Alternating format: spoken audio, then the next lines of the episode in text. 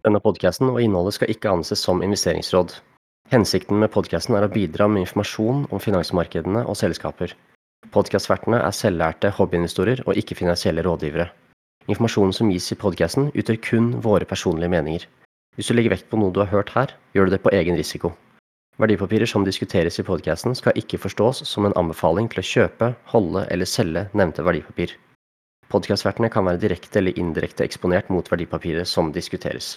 Hei, velkommen til Stockup episode 5, podkast om finansmarkedet og aksjer. Mitt navn er Faruk, også kjent som han far på diverse aksjeforumer, og med meg har jeg Kenneth, også kjent som Derek på samme forumer. Ja, vi begynner med en eh, makro-update. Det har ikke vært så mange tall siden sist, men to viktige rentehevinger. Den første kom fra Jerome Powell i eh, Fed i USA. og De økte renta opp, eh, som venta med 25 Eh, basispunkter, 0,25 fra eh, da 5 til 5,25% Det som var interessant, var at i talen hans så eh, kom han med ganske interessante opplysninger. Han har gått bort ifra å snakke om at det kan bli appropriate med sterkere hevinger, og går heller tilbake til å si at de skal være data driven og, og vurdere fra møte til møte. Og på spørsmål fra om de kommer til å kutte snart, så sa han eh, nei. Kommer ikke til å kutte med mindre inflasjonen går eh, decisively down, eller hva han sa. Så ja, så det kan Altså, markedet prøver å prosessere dette her nå, men det kan kanskje tyde på at uh, Fed har bestemt seg for å ta en pause og se hvordan dette funker, uten at de egentlig har gått ut og sagt at det er en pause. Så blir det bare spennende å se og, og, følge med på videre. Tilbake her hjemme så har Norges Bank satt opp renta i dag med 0,25 så den norske sentralbanken nå er på 3,25 Og eh, Vollen Bakke hadde også en tale og kom med litt opplysninger der òg, var også på Dagsnytt 18 seinere. Eh, men jeg veit ikke, Faruk, har du noe, har du noe take på, på, Norges Bank? Ja, holdt på å si. Jeg har alltid en mening om, om eh, en mening om Norges Bank. Og her eh, Jeg mener at eh, Ida Wolden Bakke fremstår, altså i hermetegn, som haukete. Og det gjør vi når vi er på toppen av en kredittboble her i Norge. Majoriteten av eh, formuen til 90% av nordmenn er i egen bolig. Eller eh, jeg tror det var 85 kanskje, korriger meg om jeg tar feil, har flytende rente. At de øker, ja, jeg, jeg skjønner. Men legg merke til litt hva som blir sagt her. De gir bokstavelig talt F i inflasjon. Det bryr de seg ikke om. De bryr seg om valuta nå plutselig. Altså, hva er det som skjer? Altså, Jeg blir så forbanna. Vi snakka om det for noen episoder siden. Jeg tror det var første eller andre episode. Hva er det hun tenker med? Altså, Jeg skjønner at det ikke er hun alene, at de sitter rundt et bord og drikker kaffe og spiser wienerbrød, men at de ikke er reflektert over hva valutamarkedet forteller, og det er at det er ingen tillit til det norske næringslivet. Det er ingen tillit til det norske finanssystemet, og ikke noe tillit til, tillit til det norske til den norske næringspolitikken som drives her i Norge. Altså, du kan ikke selge Kenneth 1,5 milliarder norske kroner hver eneste dag i en illikvid valuta. Og så sier du etterpå vi må øke renta for å bekjempe nedgang i valuta. Så det hun egentlig sier, Kenneth, er Farok, du og Kenneth, kompisen din, som prøver å spare, dere skal betale mer for gjelda deres, sant? og andre vanlige folk fordi vi skal drive og selge kroner. Altså, De pisser seg sjøl for å holde seg varm. Det, det er bokstavelig talt det de gjør. Så har du de her seniorøkonomene nå som på en måte bankene i, i, Norge har levert gode tall, bl.a.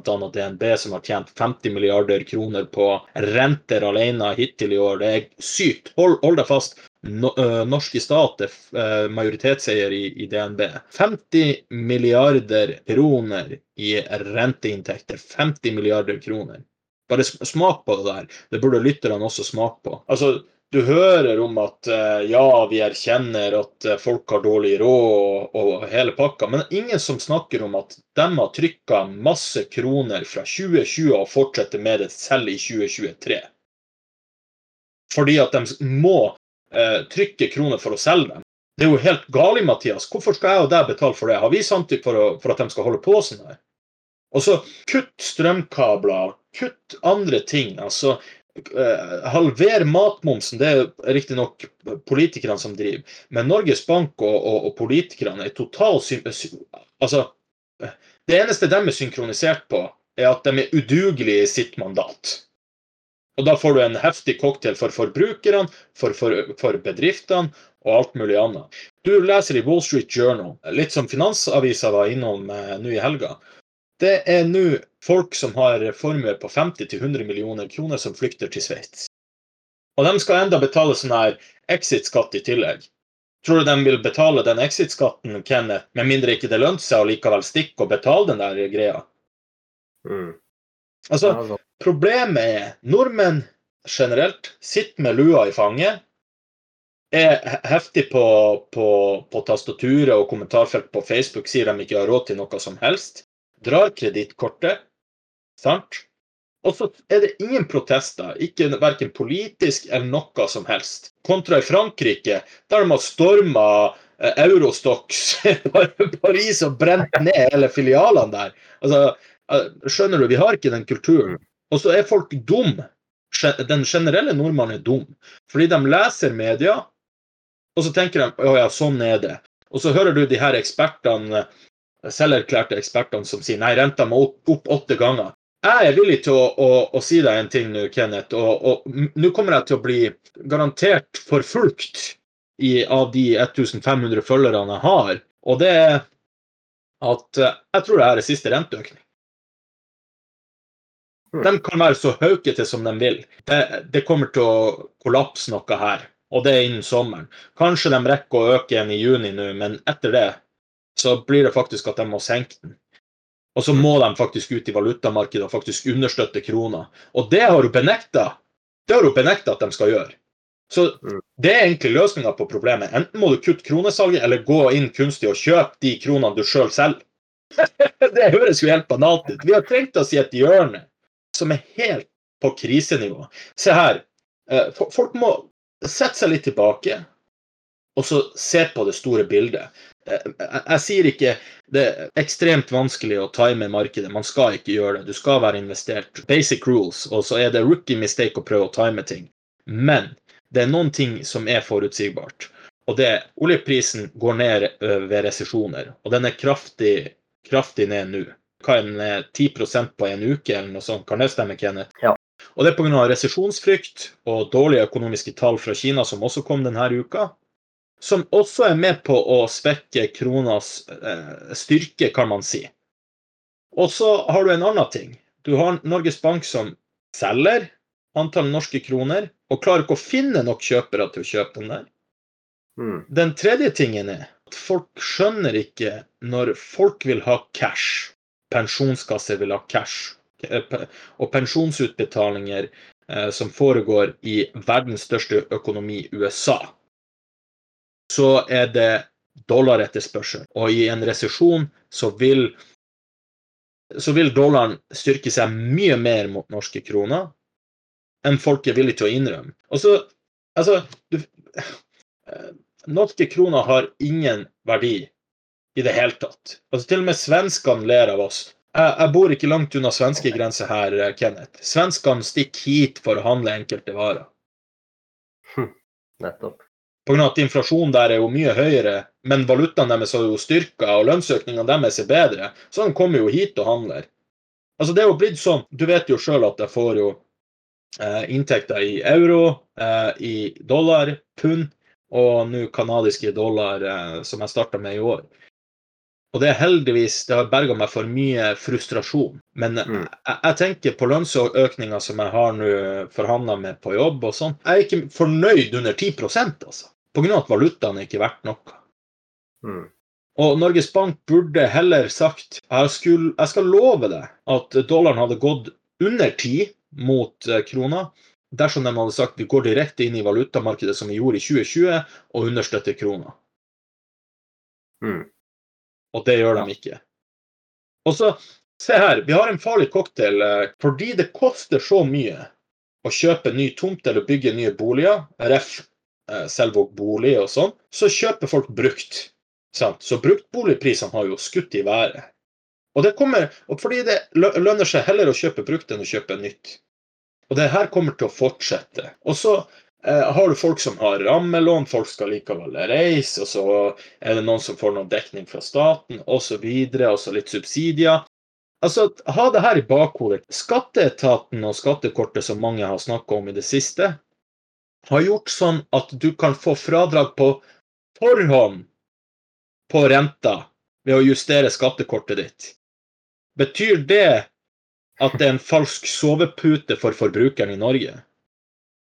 Shit, som et sånt likviditetsgrep, på en måte. Yes. For det, har- det har ikke vært sånn tidligere. Ikke som jeg kan huske. Nei, nei. Så ser vi, ser vi det verste neste år, da? Når folk kanskje går på en skattesmell? Kan være. Folk glemmer fort. Men jeg, jeg, skal, jeg skal ikke grave oss ned. Jeg, jeg misliker mandatet Norges Bank eh, misbruker, for å si det sånn. Ja, men, ja, for I det som syns er veldig krevende, og jeg sliter veldig med å forstå, er at uh, Norges Bank kan gjøre det som i realiteten egentlig er QE. Altså De er nødt til å eh, trykke norske kroner for å ha de tilgjengelige som de kan selge til oljeselskapene gjennom året. Sånn at de oljeselskapene altså kjøpe, altså veksle de i dollar. Sånn at de oljeselskapene bruker de kronene og betaler skatteinntekter til Norge. Og så tar Norges Bank da de kronene igjen som de har fått, som er da skapt. De selger dem ut igjen til, til andre, eller de kjøper valuta for dem. Så summen blir jo at det, det blir bare et større volum av norske kroner der. Det kunne jo gått hvis du hadde hatt ting å bruke disse ekstra kronene på. Men eh, så har du politikerne som sant, de innfører grunnrenteskatt på fisk, og de har eh, grunnrente på bunnfast eh, vindkraft. Det skal de begynne med nå. Og så har de akkurat annonsert at de gassrørsystemet på den norske kontinentalsokkelen. Der er det er konsesjonsbasert, og der er det mange private eiere som eier gassrørledningene. Mange av de. Og er, har, nå har Norges, altså staten sagt at eh, de benytter seg av hjemfallsretten. Altså når de konsesjonene går ut i 2028, så tar AS Norge eh, eierskapet til, eh, til gassrørleggene. Så du ser her en sånn derre altså, Sett utenfra så ser du en stat som konfiskerer privatkapital. Du kan ikke gjøre det samtidig som du på en måte dytter masse nok ut i, ut i markedet. De, hva skal de bruke pengene på? Det er en annen ting. Det er ingen som Olav Shannon blir jo intervjua hele tiden, han der globale rentetypen i, i Storbrann som jeg har mye respekt for. Han sier hele tiden ja, du må sette opp renta og sånn, og så sier, eh, spør journalisten ja, hvor mye. Nei, du må sette opp sånn og sånn. Han får aldri mulighet til å liksom, gjennomføre resonnementet, men hvorfor skal du sette opp renta? Hva er det det skal føre til? Hvorfor skal private investorer bli interessert i å komme til Norge? Hva er det du kan selge i Norge som rente, altså som korrelerer med renta? Da? Men jeg tror ikke vi har noe særlig stort obligasjonsmarked eller statsobligasjonsmarked i Norge, egentlig. Så hva skal du kjøpe? Se, se her, Kenneth. Det er to, to ting før vi avslutter her, For jeg merker at blodtrykket mitt går, går opp i 1000 om det her med Norges Bank. Legg merke til punkt én, som jeg kommer til å si denne. Jeg er overbevist om at Norges Bank vil de fortsette å ønske en svak krone. Fordi Norge lever av eksport. Og staten Norge får inntektene sine gjennom eksport, da de er største eier i Equinor, eh, Hydro osv. osv. Hvis du ville fått en dobbel negativ effekt Yara leverte tall, og ingen kjenner Yara bedre enn meg, såpass cocky er jeg og sier. De leverte en EPS-nedgang på over 80 Og hvis du, hvis du justerer for en medianverdi på norske kroner mot dollar og euro, så hadde de tapt penger det her kvartalet. Det samme gjelder også Equinor. Ep- Altså, de hadde ikke tapt penger, men det hadde vært 50% EPS-nedgang kontra 30, ja, 38, 30, 30, 35 eller noe sånt. Eh, Ikke at jeg nistirrer på tallene. Men det gjør det igjen mindre attraktivt for utenlandske investorer å se på Norge når du ser kraftig EPS-nedgang, og i verste fall nedgang, eh, altså at du taper penger. Så det er ingen som stiller seg det spørsmålstegnet Ja, men hvem er det som tjener på at norske kroner er lav? Jo, det er eksportnæringa. Du leser at laks, slaktevolumet er ned, volumet på salg er enormt ned, men de tjener bøttevis med penger, mer enn noen gang. Hvorfor? Norske kroner er verdt like mye som dasspapir. Sant? Altså, eh, skj- skj- skjønner du, Kenneth? Vi er, hvis du justerer eh, norske kroner for medianverdien mot eh, euro og, og dollar, så er vi faktisk i en earnings recession her i Norge, og den ganske brutal en. Hmm. Norsk, svake norske kroner holder Oslo Børs på 1200 poengnivåene. Det andre, andre greia er Norge er et land som er veldig flink på å ha sånn omfattende løsninger. Jeg er helt enig med deg. Hvorfor tør jeg ikke å holde på norske kroner og ha, ha dem i banken, men heller ha det i valutakontoer og sånn? Fordi jeg har ikke peiling på mekanikken til norske kroner. Er oljeprisen sterk som den var i fjor? Ja, da er den likevel på all time lows mot, mot dollaren som den var i oktober i fjor. Og så har du en annen ting. At Norge er veldig flink på å være omfattende, Kenneth. Jeg husker eh, Jonas Gahr Støre sa i fjor på debatten i forhold til strømkablene, og, og det her er direkte sitat. Vi har det mest omfattende strømstøttesystemet i Europa. Og så nikka jeg at folk reagerte negativt. Nei, men det er sant, det er mest omfattende. Ikke Øystein Streis Betan, som er sivilingeniør, en gang klarer å regne på hva hans strømregning kommer til å bli, og det klarer ikke jeg. Jeg har prøvd å gi det et forsøk, og det klarer jeg ikke. Norske valutasystemet, det er på samme måte. Det er så omfattende at ikke de sjøl vet engang hva som skjer. Hvorfor skal du da bette på norske kroner? De som tror at uh, Jeg vet Cashgloom på Shareville. Jeg, jeg, beundrer han enormt, og det er en liten sånn uh, hilsen til han og hans tid for glory. Uh, synd at han ikke er her i podkasten til å forsvare seg sjøl. Men han snakker om kronestyrkelse og at det er så bearish norske kroner. Men det er ingenting i denne verden som kan snu den der krona her, altså. Jeg har ikke tro på, på Norges Bank, og jeg har ikke tro på politikken.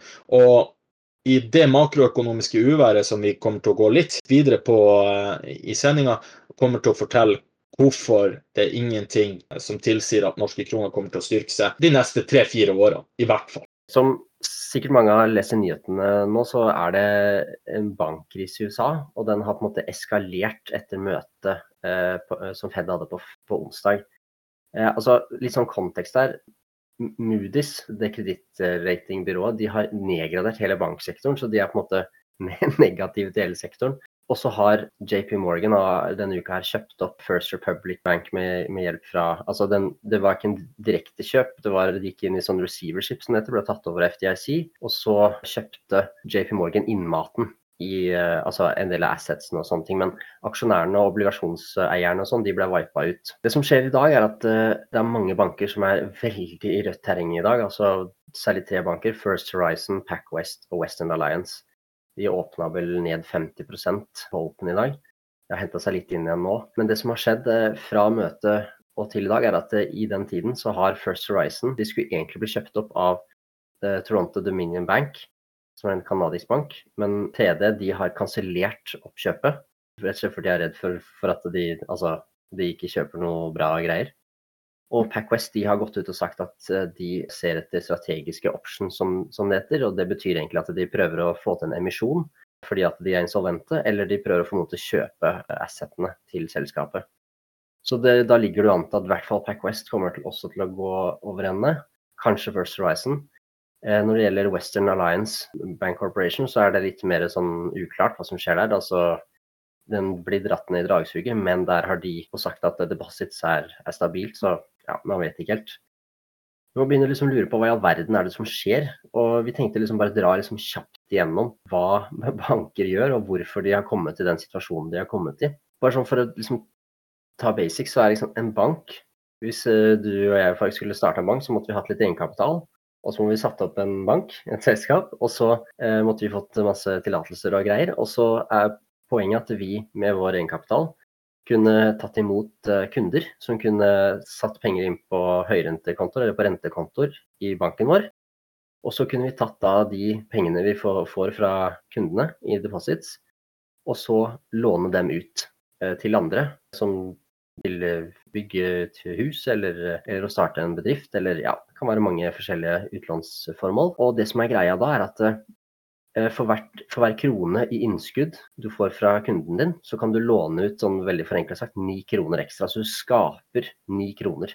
Så liksom du lager penger ut av, av, av, lufta. Og det gjør at du har mye mer eh, kapasitet til å låne ut. Du, du har en liksom lav kapitalbase, så kan du låne ut mye mer. Og fordelen med det, det er en ekstrem fordel, fordi at eh, den eh, altså den tikroningen, 3 eh, rente på den, er jo mye mer avkastning enn 3% rente på den ene kronen du låner fra kunden din. Så den rentemarginforskjellen er sånn banker tjener penger. forskjellen mellom innskuddsrenta og avkastning på den eh, kapitalen du låner ut. Ok, men Det høres jo veldig greit ut, ikke sant? veldig enkelt. Burde jo være en grei måte å tjene penger på det her. Men så er det dette med hvordan er det renter prises, hvordan settes renter. Og Der hele, hele denne sammenhengen til sentralbanken eh, kommer inn. Eh, de kan styre hva eh, lånekostnaden til bankene er. Så når renta går opp, så går bankenes fundingkost opp. Og da må de også sette opp sine renter ut til kundene sine, sånn at de ikke går i tap. ikke sant? Og det er her disse bankene har gått på supersmeller i USA. Og det begynte ikke sant, tidligere med Silvergate, en sånn kryptobank som gikk over ende. De går ikke nærmere på den, men vi går inn på SVB og Signature Bank, som falt omtrent samtidig. Det, det man så på på SVB, som var det klareste tilfellet, var en veldig heftig risikostyring.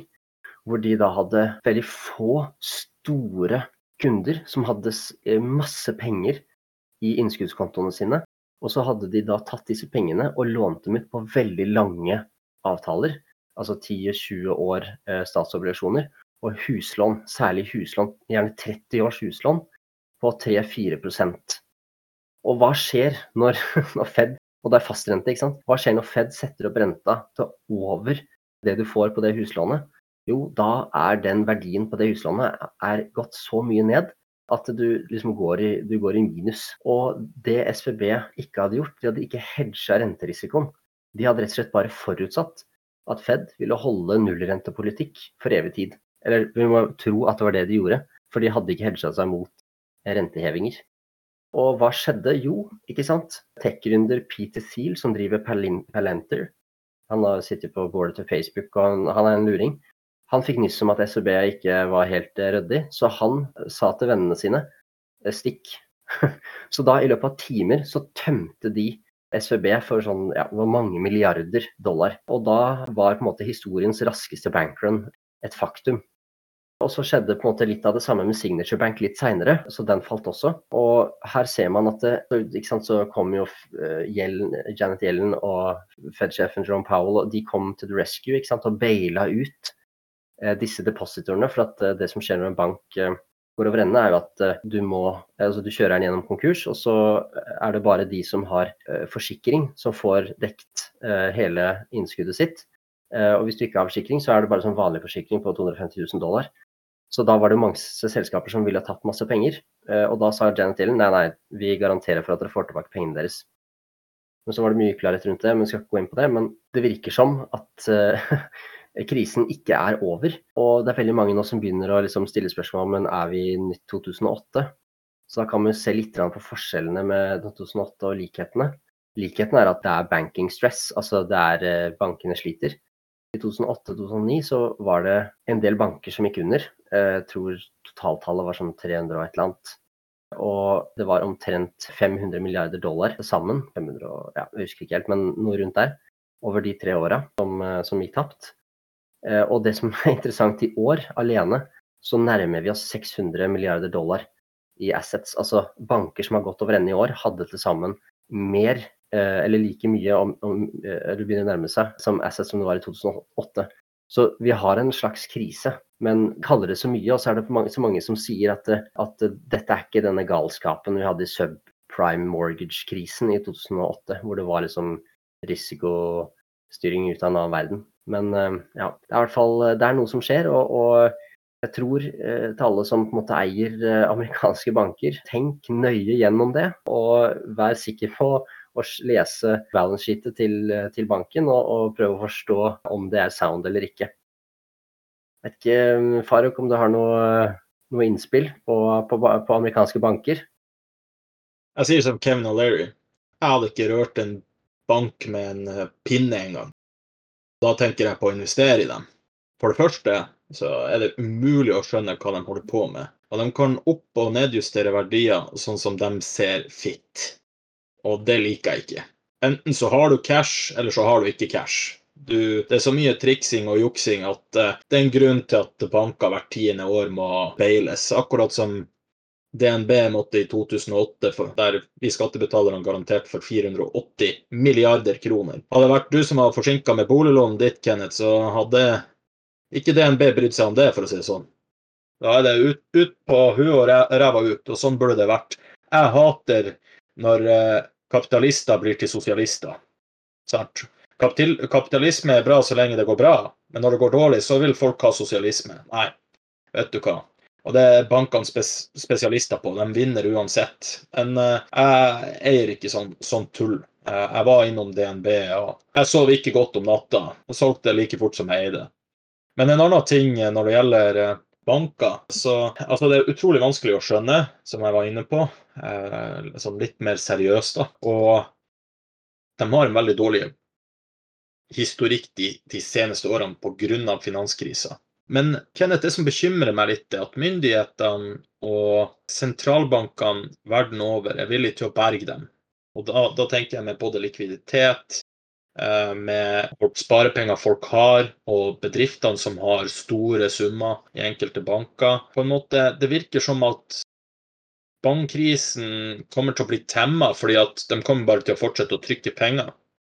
Det er jo veldig bra for deg som er litt eh, bull på gull. Og jeg, jeg forstår, forstår for, for, å si det sånn, den tankegangen der. Men en ting som folk ikke snakker om, og som er mer skremmende og det var Jeg har hørt på Kevin O'Leary, uh, som hadde et intervju for en uke siden som var skremmende bra.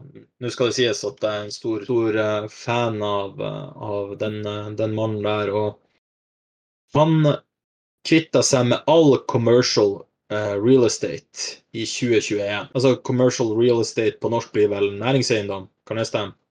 Ja. ja.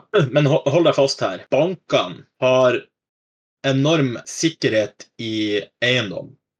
Mm. Så mye som 80 Jeg har dobbeltsjekka tallene før jeg, før, jeg, før jeg, sa det. Så mye som 80% det, det er vanvittig, Kenneth. Ja. Og hold deg fast nå. I Q1 i år så sier de at 175 milliarder dollar globalt, som er knytta til eiendomsmarkedet globalt, er mislighold på eiendommene. Mislighold at folk Altså, eiendomsselskapene har ikke kunnet betale tilbake gjelda. Og hold deg fast. Vet du hvor mange sektorer vi har på børs i USA? Ja, det er elleve. Stemmer. Og hva er den nyeste sektoren? Hvilke av de elleve er den nyeste? Å ja, det veit jeg ikke. Eiendom. Yes. Eiendom. Det som er artig, er at uh, det her er tall uh, Kevin O'Leary kom med, og er dobbeltsjekka de stemmer også. Vet du hva som skjer i Q3 2024? 2024? Ja, nei, altså, Jeg har hørt noen tall om at det, det er 1,4 trillioner dollar som må refinansieres. 1,47. Helt korrekt. Ja. Mm. ja. Og, er det a wall of, a wall of gjeld, holdt jeg på å si? Yes. Han Kevin O'Leary hadde et veldig, veldig godt poeng. Og det var at han tror ikke vi er på det stadiet som vi var på 70-tallet, at du får to inflasjonsspikes og to peak rentespikes. Han tror ikke det. Men han sier at higher for longer er ikke mulig i verden. Rentene kommer ikke til å være på dette nivået i 2024. I det hele tatt. Altså ett år fra nå. Så sier han det er ikke mulig. For hvis de holder det på, på det her nivået, så vil faktisk eh, Hva var det han sa? 70% av bankene fra Tyskland, fra Spania, fra Italia Sverige nevnte han også spesifikt. USA, Canada. Altså alt som skal til for å drive økonomien i vår, vår hverdag, kommer til å kollapse. Hmm. Og han sier da får du et bankrun-helvete. Og jeg tror Hva var det jeg telte? Han sa under den sendinga han snakka om banker, så fra det første minuttet til det syvende minuttet så tror jeg han sa 'idiots' 100 ganger. Og han sa jeg kan ikke være i en bransje der, der på en måte idiotiske bankfolk driver liksom eh, og skal forvalte mine penger. Eller at jeg stoler på dem med mine penger. Skjer ikke. Og han har eh, han hadde veldig sånn her mørk, eh, mørkt syn på ikke banksektoren, men han mente at eiendom kommer til å kollapse, som kommer til å tvinge bankene til å kollapse.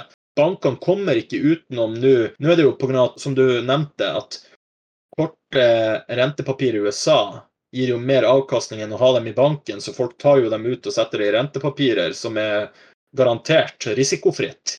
Så hva skjer når plutselig trillioner altså flere tusen milliarder ikke kan gjøres eh, til gode for? Hva, hva, hva skjer da? Skal vi, skal vi, trykke nye penger sånn at eh, bankene får dem òg? Og hva skjer med inflasjon da? Er det kanskje da at vi sier i 2030 f.eks. Oi, i juni 2022 så hadde vi peak inflation bølge 1, men så fikk vi peak inflation bølge 2 høsten 2024. Så må du ha en Paul Walker som kommer med, med sledgehammeren og, og, knuser all eh, form for likviditet. Jeg er glad jeg ikke skal av med pensjon uh, med det første, for å si det sånn. Det er det som er så frustrerende med, med banker også, at det er, det er som uh, strøm, på en måte. Altså du kan ikke drive en, en, virksomhet Altså du kan ikke drive en fabrikk uten dem. Du kan ikke drive økonomien uten kapital. Altså du må ha arbeidskapital for å kunne gjennomføre transaksjoner. Altså, fra, ta, ta, et eksempel fra 2008. Uh, og det er fra Eh, General Motors var en av verdens største selskaper, da, om jeg ikke tar helt feil. Og de, eh, de skulle betale arbeiderne sine i 2008 lønn. Og så sa banken vi har ikke de pengene. Men de hadde jo penger på bok. Men banken var jo tom for penger. Tenk deg han i en sånn situasjon. Ja, det er jo helt uh, utrolig.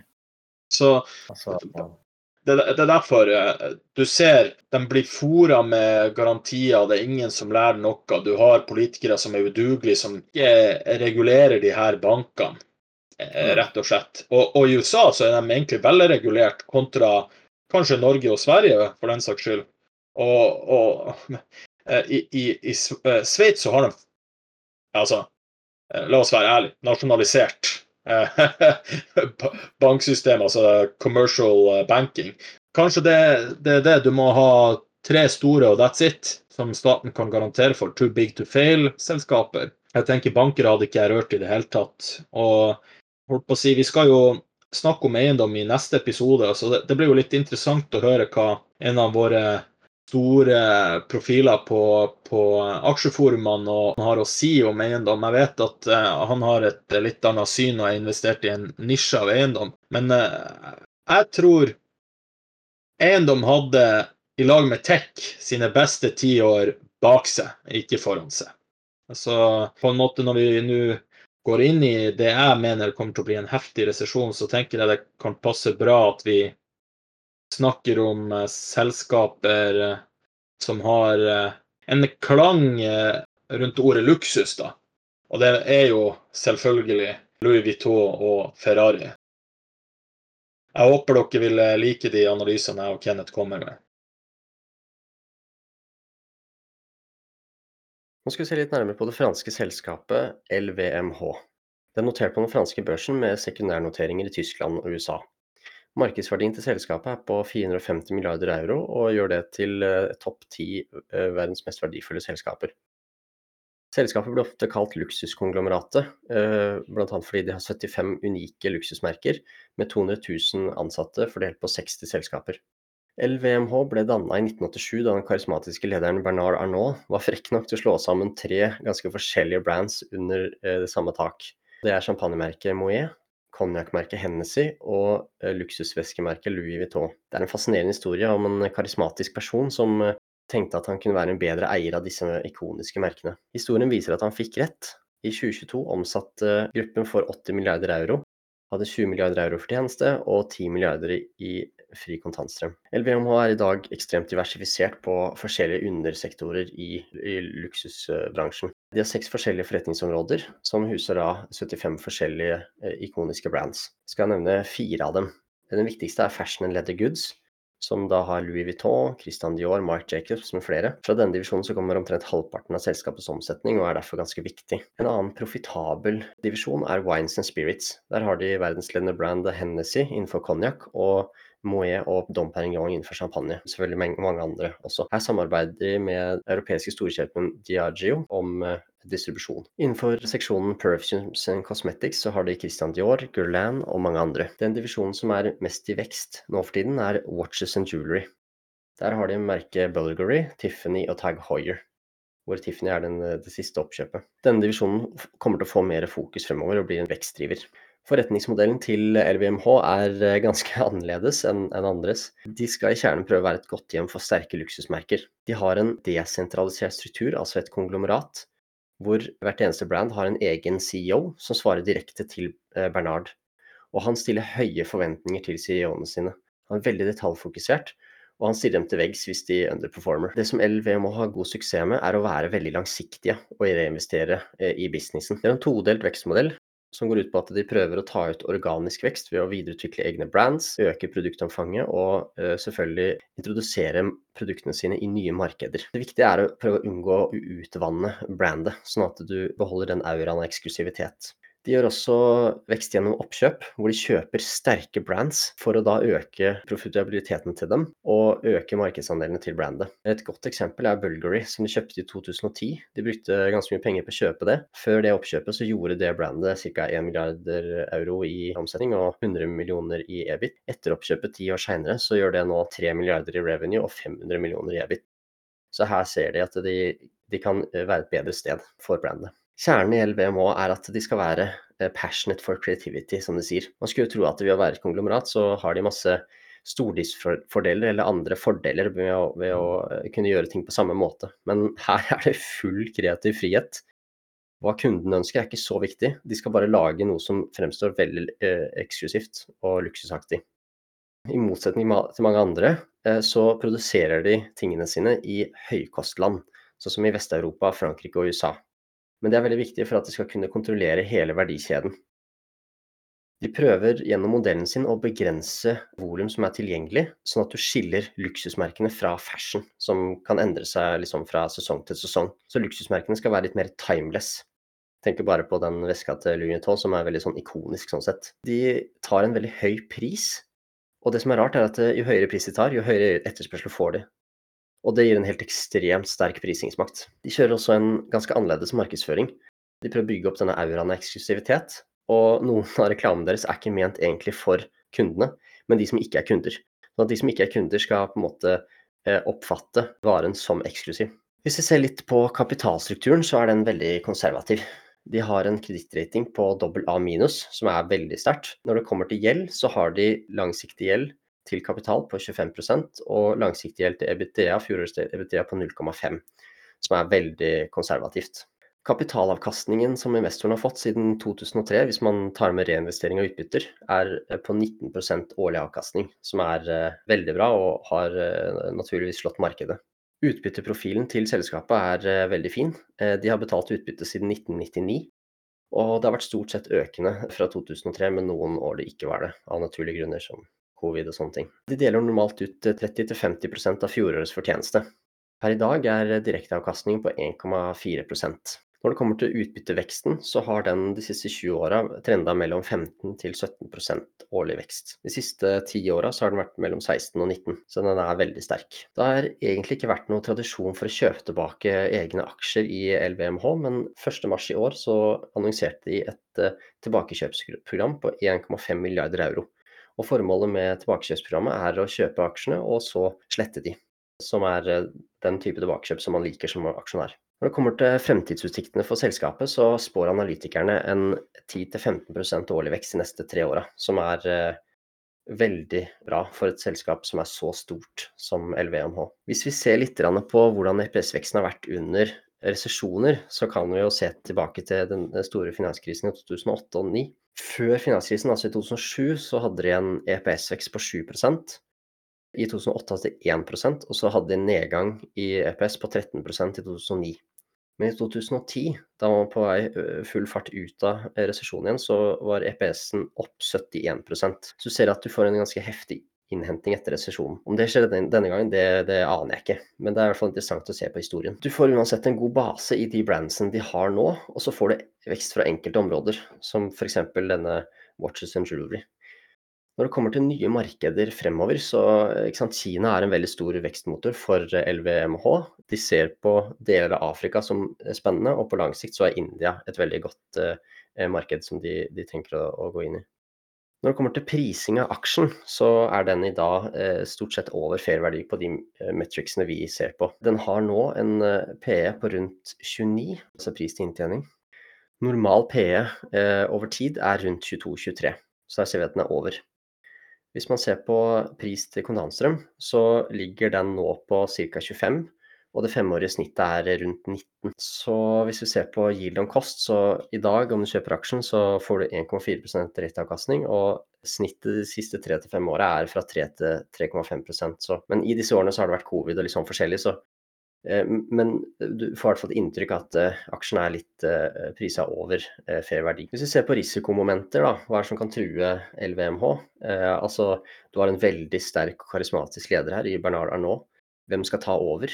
Blir det sånn som Hermes, hvor du har en, et generasjonsselskap? Mange tror det. Det er i hvert fall mange sterke kandidater som kan ta over etter Bernard etter hvert. Han er 73 år nå, så han, fortsatt, eh, han sier i hvert fall selv at han skal holde på en god stund til. Så er det selvfølgelig endringer i forbruksmønster som kan være risiko for LVMH. Eh, Og så er det dette med utvanning av brandsa. Ikke sant? De vil ønske å ha luksusmomenter rundt det. Hvis det blir fashion, så eh, mister de prisingsmakten sin. For vårt syn så er dette one to watch. Eh, du får med LVMH eh, verdensledende brands som styres da av noen av de beste i bransjen. Den er veldig diversifisert, porteføljen deres. De er veldig flinke på kapitalallokering over tid, og de har skalaen til å utvikle nye verdensledende brands. Så det er et veldig spennende selskap. Når man først snakker om luksusmerkevarer, så kan man ikke la være å snakke om Ferrari. Nesten alle kjenner Ferrari. Alle assosierer den røde fargen og sportsbiler med Ferrari. Og de er ofte rangert sammen med kjente selskaper som Disney og Coca-Cola som ett av verdens sterkeste merkevarer. Ferrari ble grunnlagt av Enzo Ferrari i 1947, og de har eh, hovedkvarteret sitt i Maranello i Italia utenfor Modena. Jeg har vært uh, såpass heldig og besøkt anleggene for noen år siden, og det var virkelig artig og, og, historisk, ikke minst. Ferrari er også kjent innenfor Formel 1 som en av verdens mest suksessrike Formel 1-deltakere, og de har vært i turneringa siden 1950-tallet da Formel 1 hadde sitt opphav. Etter litt økonomiske problemer solgte Enzo Ferrari selskapet til Fiat-gruppen i 1969, og etter hvert Eh, så tok Fiat-gruppen over 90 eierskap eh, av selskapet for å sikre Ferraris økonomiske styrke i fremtida også. Når vi først snakker om Ferrari, så vil jeg gjerne sitere Luca Cordero di Montezemolo, som var styreformann i Ferrari fra 2004 og 2010. Og Han sa en gang, og jeg siterer på, på engelsk, da We don't sell a car, we sell a dream. We are Italy's national team. There are many great soccer teams in our country, but there is only one Ferrari. Det er bare litt for å gi stemninga til, til det her eh, selskapet her, for det, det, er virkelig fantastisk. Og Ferrari er ikke bare et bilselskap. Det, det er liksom hva man assosierer seg med. Det er helt imponerende å se hvordan de opprettholder etterspørselen og ikke minst eh, marginene sine, og hvilken eh, kundebase de treffer. Så jeg kommer litt tilbake til det, men uh, det her selskapet går under radaren til veldig mange. Ferrari handles på New York Stock Exchange og Milano-børsen. Den har en market cap på 45,8 milliarder euro. Beta ligger på 0,99. Dette er for Milano-børsen, riktignok. Så den følger Milano-børsens indeks eh, greit når det gjelder volatilitet. Den har en trailing P på 50, som er utrolig høyt. Og så har den en eh, forward P på 36 for eh, inntjeninga i 2024. EPS-veksten er estimert på 13,6% for 2024 fra i år. Den har en profit margin på 18,3% Kredittvurderinga ligger på trippel B pluss, og den er investment grade. Dette er tall fra eller Kredittvurderinga er tatt fra 2020, og jeg fant ikke ferskere tall enn det. Og jeg kikka gjennom årsrapporten i 2022 og fant ikke noen tall eller noen, noen andre parametere der, så jeg forholder meg til det. Men det kan være gitt at det, de har endra på kredittvurderinga. Når jeg ser på tallene, så tror jeg ikke den er verken styrka eller svekka. Så. Men det er greit å gjøre egen research der. Når man ser på Ferrari-aksjen i dag, så ser du at den handles på all time high og ganske den er ganske rikelig verdsatt eh, når den har en forward P på, på 36 på 2024s inntjening. Så Hvorfor en på all time high når vi er i ferd med å gå inn i en resesjon? Nå skal jeg nevne en klisjé, men du kjøper ikke Ferrari, Ferrari kjøper deg.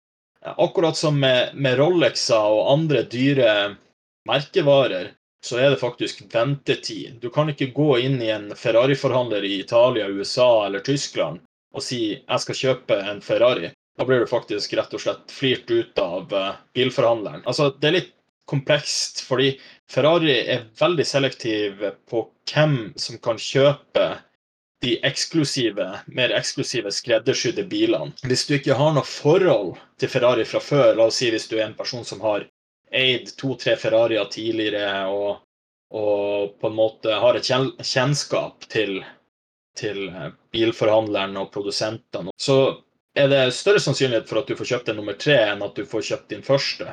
For det, det er på en måte en, en prosess og, og, en opplevelse, det å bare kjøpe en Ferrari. Jeg har en kompis som er i Bosnia som eh, kjøpte Ferrari på slutten av 2000-tallet, og det tok eh, to år før han fikk den. Jeg tror faktisk det var like før finanskrisa traff, og han sa at det var det var rett og slett altså Når du kom til Italia for å kjøpe, du ble servert kaffe, du ble holdt på å si, satt på en pidestall, og, og, du får virkelig den servicen med alt rundt deg. Og når du først setter deg i, i en Ferrari med de skinnsetene der, så, så, er det virkelig noe annet enn en de her vanlige bilene vi vanlige folk kjører. Mange tenker Ferrari selger biler, men den faktisk selger, er jo, som jeg sa, opplevelsen, makt, prestisje, og noen vil si kanskje sex, for det er jo enorm sexappeal Ferrari drar med seg eh, fra, fra, kvinnfolk. Og bare Altså, det her eh, Jeg kan ikke si at eh, det er gjort noen studier på det, men jeg mener at det var noen som sa at den lyden av motoren tenner kvinner, eller noe sånt, eh, uten at jeg går mer inn på det. Men, men det sier litt om Ferraris appeal, da. En annen ting som mange ikke er klar over, er at Ferrari tjener også vanvittig mye penger på licensing. Og da tenker jeg på leker, klær og andre smykker og accessories. For å gi et eksempel, da. En sånn liten modell med skala 1 til 8 av eh, F14T vil koste deg rundt 54 000 kroner å få tak i. Jeg tror de ja, eh, selv for flere milliarder kroner rundt omkring i verden. Altså bare den licensing-dealen de har med, med ulike, ulike, selskaper som lager leker, klær og sånn. Det er virkelig fantastisk eh, hva, hvilken cashflow de genererer. En annen ting, sett på de siste tre årene, så har eh, omsetninga, altså topplinja deres, bare økt. Fra 3,4 milliarder til 4,27 i 2021 til 5,1 milliarder euro i 2022. EPS, altså earning per share, det aksjonærene sitter igjen med, har økt fra 3,29 i 2020 til 4,5 i 2021 til 5,11 i 2022. Det estimeres en EPS på 6,15 for i år, som gir en EPS-vekst på rundt 20,3% fra året før. Og de siste ti årene har Ferrari hatt en EPS-vekst på 14,6% årlig. Cashflowen ligger stabilt på 1,3 til 1,4 milliarder euro. Selskapet er veldig aksjonærvennlig. De er aktive på tilbakekjøp av aksjer og utbytter. er de gode på. De har fin vekst på dem. Selv om de kutta ned på utbytte i 2021, så har selskapet i de siste fem årene en dividend average growth rate på 16,2 Payout-ratioen ligger på under 27% som indikerer at de kan øke i mange år fremover, og at utbyttene er trygge. Gjelden kan de nedbetale etter to år med free cashflow, så gjelda er jeg ikke så bekymra for. Det som er interessant å se på årsrapporten for 2022 som kom ut i februar, selv om cost of sales har økt drastisk, så holder selskapene på marginene, og de får ført over kostnadene til forbrukeren. Og det er veldig sterkt, og det er også pga. brandet deres. Det er også sånn at eh, hvis du signerer en kontrakt med Ferrari, så får du også eh, en liten sånn fotnote nederst på kontrakten at det her er et estimat. Når du først betaler for bilen, så kan faktisk prisen ha økt pga. diverse ting. Så de er hedga på det også. Når du først bestiller den, så er du forplikta til, til, å ta imot bilen. Ettersom at de er skreddersydd til kunden. Salgsvolumet til Ferrari er mindre volatil enn sine konkurrerende motparter. Og det er flere grunner til det. Som vi var inne på tidligere i episoden, så vil lavt volum gjøre at etterspørselen holder seg. Og grunnet et stort antall eh, modeller i produktporteføljen til Ferrari, så får de mer frekvente produktlanseringer som skaper litt sånn buzz og, og, og entusiasme rundt, eh, rundt salg av de, de, bilene de har lansert. da. Ferrari økte volumet sitt i de 25 største markedene sine sammenlignet med 2021. Og de har en markedsandel på 24 blant eh, luksusmerkevarene sine. I dag presenterte også Ferrari tall eh, for første kvartal. Og det er ganske imponerende det vi kan se av nøkkeltall. De leverte 3567 biler, som er opp 9,7% fra året før. De har en omsetning på 1,43 milliarder euro, som er opp 20,5% fra året før. Og så har eh, fortjenestemargin, altså profit margin, økt med 1 prosentpoeng. Free cashflow er ned 10% at free cashflow er ned 10% er ikke rart for første kvartal, for det er da de som regel gjør produktlanseringene sine. Eh, så det her er å regne med. Når det gjelder Ferraris free cashflow-sykkel i løpet av et år, så styrker den seg alltid mot Q3 og Q4.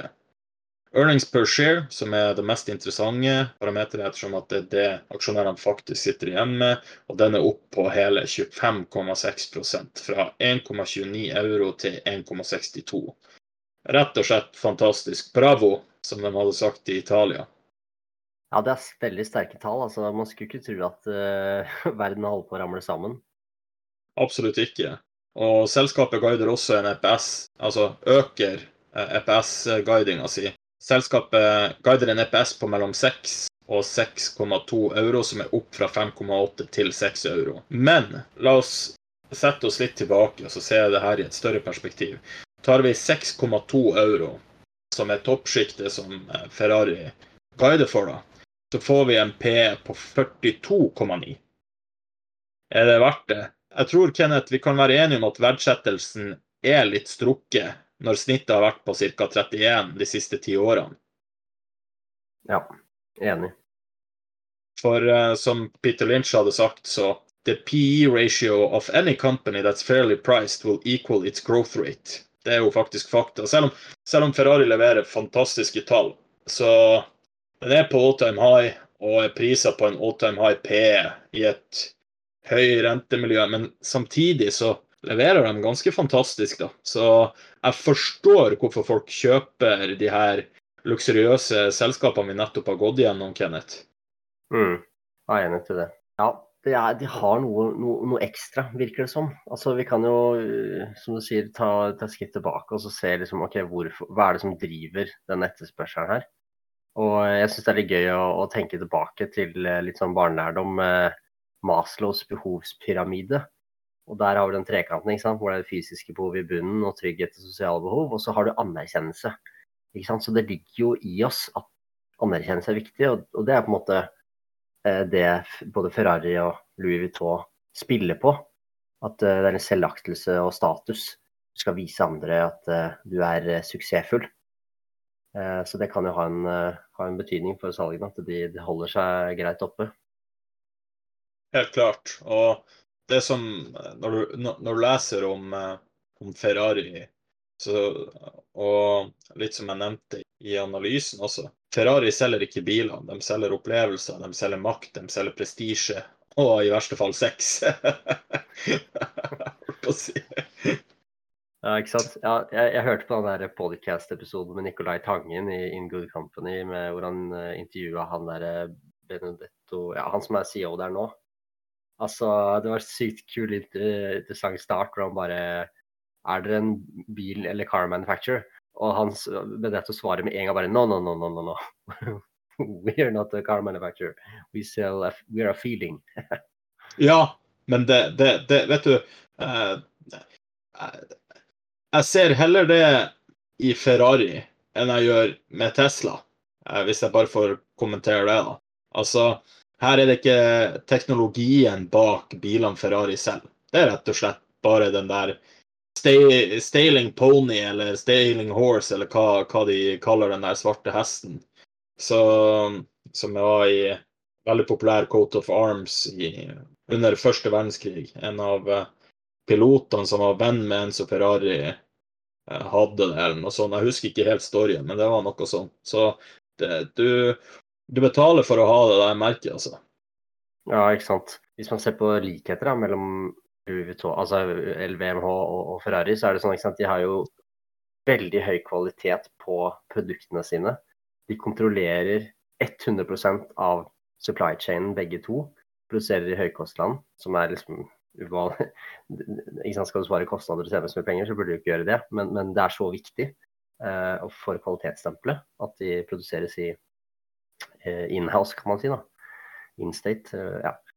Og design er selvfølgelig viktig. Og én ting som slo meg veldig da, da, vi så på de selskapene her, var, var, dette med prisingsmakt. Altså Vi snakker jo gjerne om at sånn, så, sånn konsument defensive, altså sånn Coca-Cola, Pepsi, ikke sant? disse har prisingsmakt. Men det her er jo noe helt annet. Altså, de, de kan jo bare ta den prisen de vil ha. Nemlig.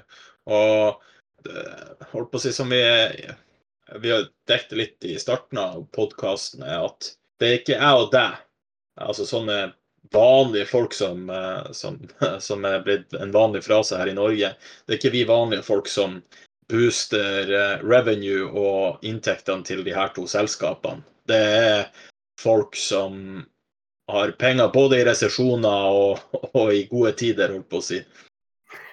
ja, det er sant. Sant, kan bekrefte. Jeg sitter der med hullete joggebukse, og det er ikke noe, blir ikke noe Ferrari på meg. du får kjøpt den der lille modellen til 54 000. ja. Ja. Jeg syns også det var så rart å se at liksom Altså, jeg hørte på en annen pod med han der CFO-en i, i eh, LMH. Og han sier at det, liksom, ja, vi kan ta en høyere pris, og da får vi ofte høyere etterspørsel. Er liksom bare sånn, ja, OK. Det er, eh, det er interessant. Det er jo veldig annerledes. Helt klart. Og så likte veldig godt gjennomgangen din på Louis Vuitton det som også kjennetegner de her luksusbrandsene, som Enzo Ferrari, som gründa Ferrari, da, selv om han solgte til Fiat, så hadde han i kontrakten at uh, alt av design, alt av produksjon Altså, han skulle overvåke alt fra hjulene til vinduet til vindusviskere. Altså, det var helt crazy, kan man si. Kontrollfrik, rett og slett. Og det er sånn her eyes for details, ikke sant. Og når, jeg hører du nevner eh, han eh, Bernard i, i, Louis Vuitton, det er egentlig et godt tegn at jeg ikke ville ha jobba under han. Og jeg er en arbeidskar og, og, og jobber ganske hardt. Men eh, jeg tror de her eh, gründerne og eierne Nå er Enzo Ferrari riktignok død, men altså den kulturen og den legacyen de to vil gi de selskapene, er at noe under perfekt er uakseptabelt. Og det er det som også gjør at, at brandet har mote og, og, den sterke etterspørselen fra, fra forbrukerne sine. Mm. Ja, det, det, det, du sier jeg tror jeg er et kjempebra poeng. De er liksom veldig detaljfokuserte, og det skal være uh, Altså, godt nok er ikke godt nok. Det, kan aldri være godt nok.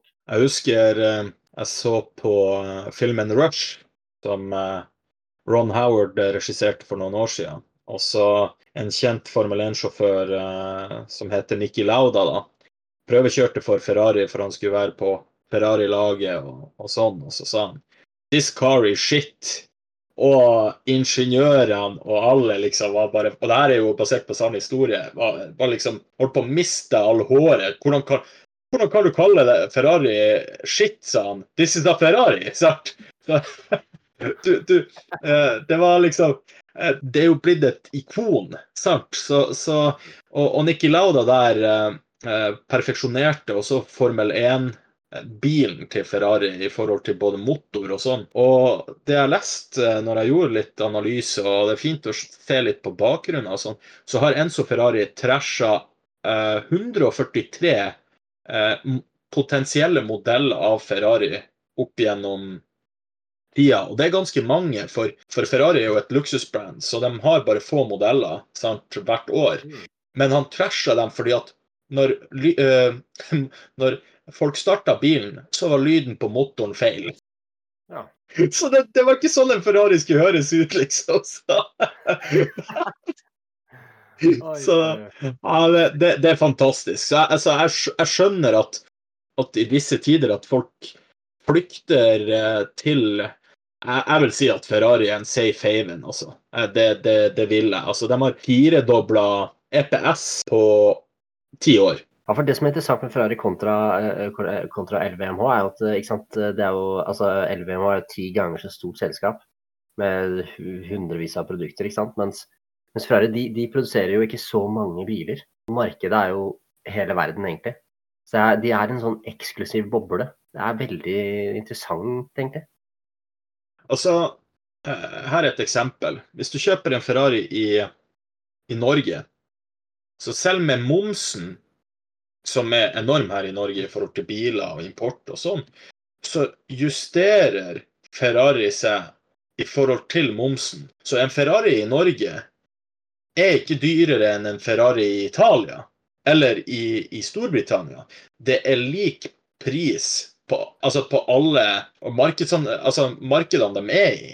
Så holdt på å si Hvis du kjøper en, en Ferrari i Bosnia, så vil du se at uh, gjør du det om til norske kroner, så, så er det faktisk nøyaktig samme, samme sum, liksom. Så de prisjusterer seg også for valuta der, Kenneth. Det er mange som ikke er klar over det, og likevel gir dem sånne tall. Du vil aldri høre Ferrari på en earnings call si å, vi har positive valutaeffekter eller negative. Ja, men, det, det, men I stad nevnte du um, at liksom, du ikke så gira kanskje på å jobbe under Bernarda Bernard nå. Uh, men det, det, som jeg, det, som slo meg da jeg leste om han, uh, det er at du, du, har en likhet med han. vet du hva den er? Nei, det, jeg tør ikke å gjette, men si. Nei, ikke sant. Altså, eh, du sier, og, og, han har sagt det samme, og det er at dere er, eh, er pessimist på kort sikt og optimist på lang sikt. OK. Jeg har faktisk ikke kop... Jeg trodde jeg hadde originalsitat. At jeg kunne bare Men uh, ja. Det er storheter som sier sånne ting, ikke sant.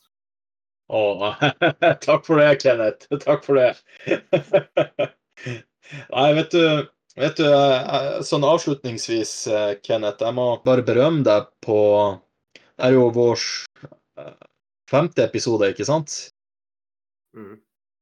Og jeg føler både liksom når vi spiller inn, det er jo mye arbeid. Vi gjør jo analyser. Vi ser ja, det kan oppstå feil og sånn. Men jeg tror, jeg tror, folk også setter pris på den jobben vi gjør ved å prøve å dele våre erfaringer og refleksjoner. Og jeg vil gi deg en liten hyllest for litt sånn kanskje personlig, litt privat, men likevel så, så velger jeg å, å, å, dele det.